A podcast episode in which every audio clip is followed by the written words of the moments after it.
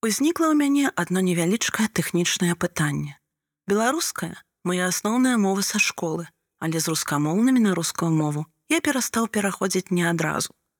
У девятым-десятым класе ў мяне ў прынцыпе дзённіка не было, бо я вучуся па рысаўскім ліцэі. А ў адзінацатым класе я перайшоў школу мастацтваў, і там дзённікі былі. Я і запаўняў па-беларуску. На той момант я ўсе дакументы запаўняў па-беларуску. Увесь час да мяне былі пытанні то ад завуча, то ад класнай. Казалі, што прыйдзе гарана, убачыць, што нешта не так. Карацей кажучы, увесь час прасілі запаўняць па-руску, але не вельмі настойліва.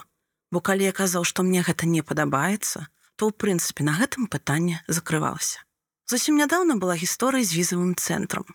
Узнікла ў мяне адно невялічкае тэхнічнае пытанне па афармленні польскай візы я патэлефанаваў у польскі візавы цэнтр у беларусі з таго боку аператару прынцыпе адмаўлялася разумець беларускую мову. Я не прасіў каб не адказвалі па-беларуску бо я разумею што дамагчыся гэтага ў беларусі вельмі складана таму ніколі не прашу. Але яна нават не хацела разумець майго пытання і даць адказ на якой-небудзь зразумелай мне мове. Калі я паспрабаваў размаўляць з ёй па-польску бо гэта польскі візавы цэнтр і польскую мову разумець там павінны. Яна таксама не разумела і гэтай мовы. Пасля мы, можа, паўгадзіны з ёй размаўлялі, спрабуючы неяк дамовіцца.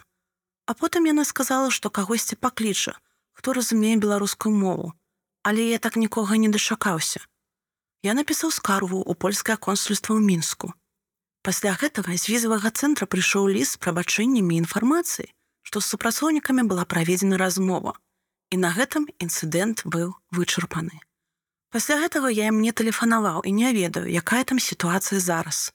Яўген, 34 гады, праграміст. Дачакацца. З 1918 года беларусы чакалі, калі Беларусь адновіць сваю дзяржаўнасць. І дачакаліся. Дачакаюцца беларусы і той час, калі беларуская мова зноў будзе адзінай дзяржаўнай. Чытала Лілія.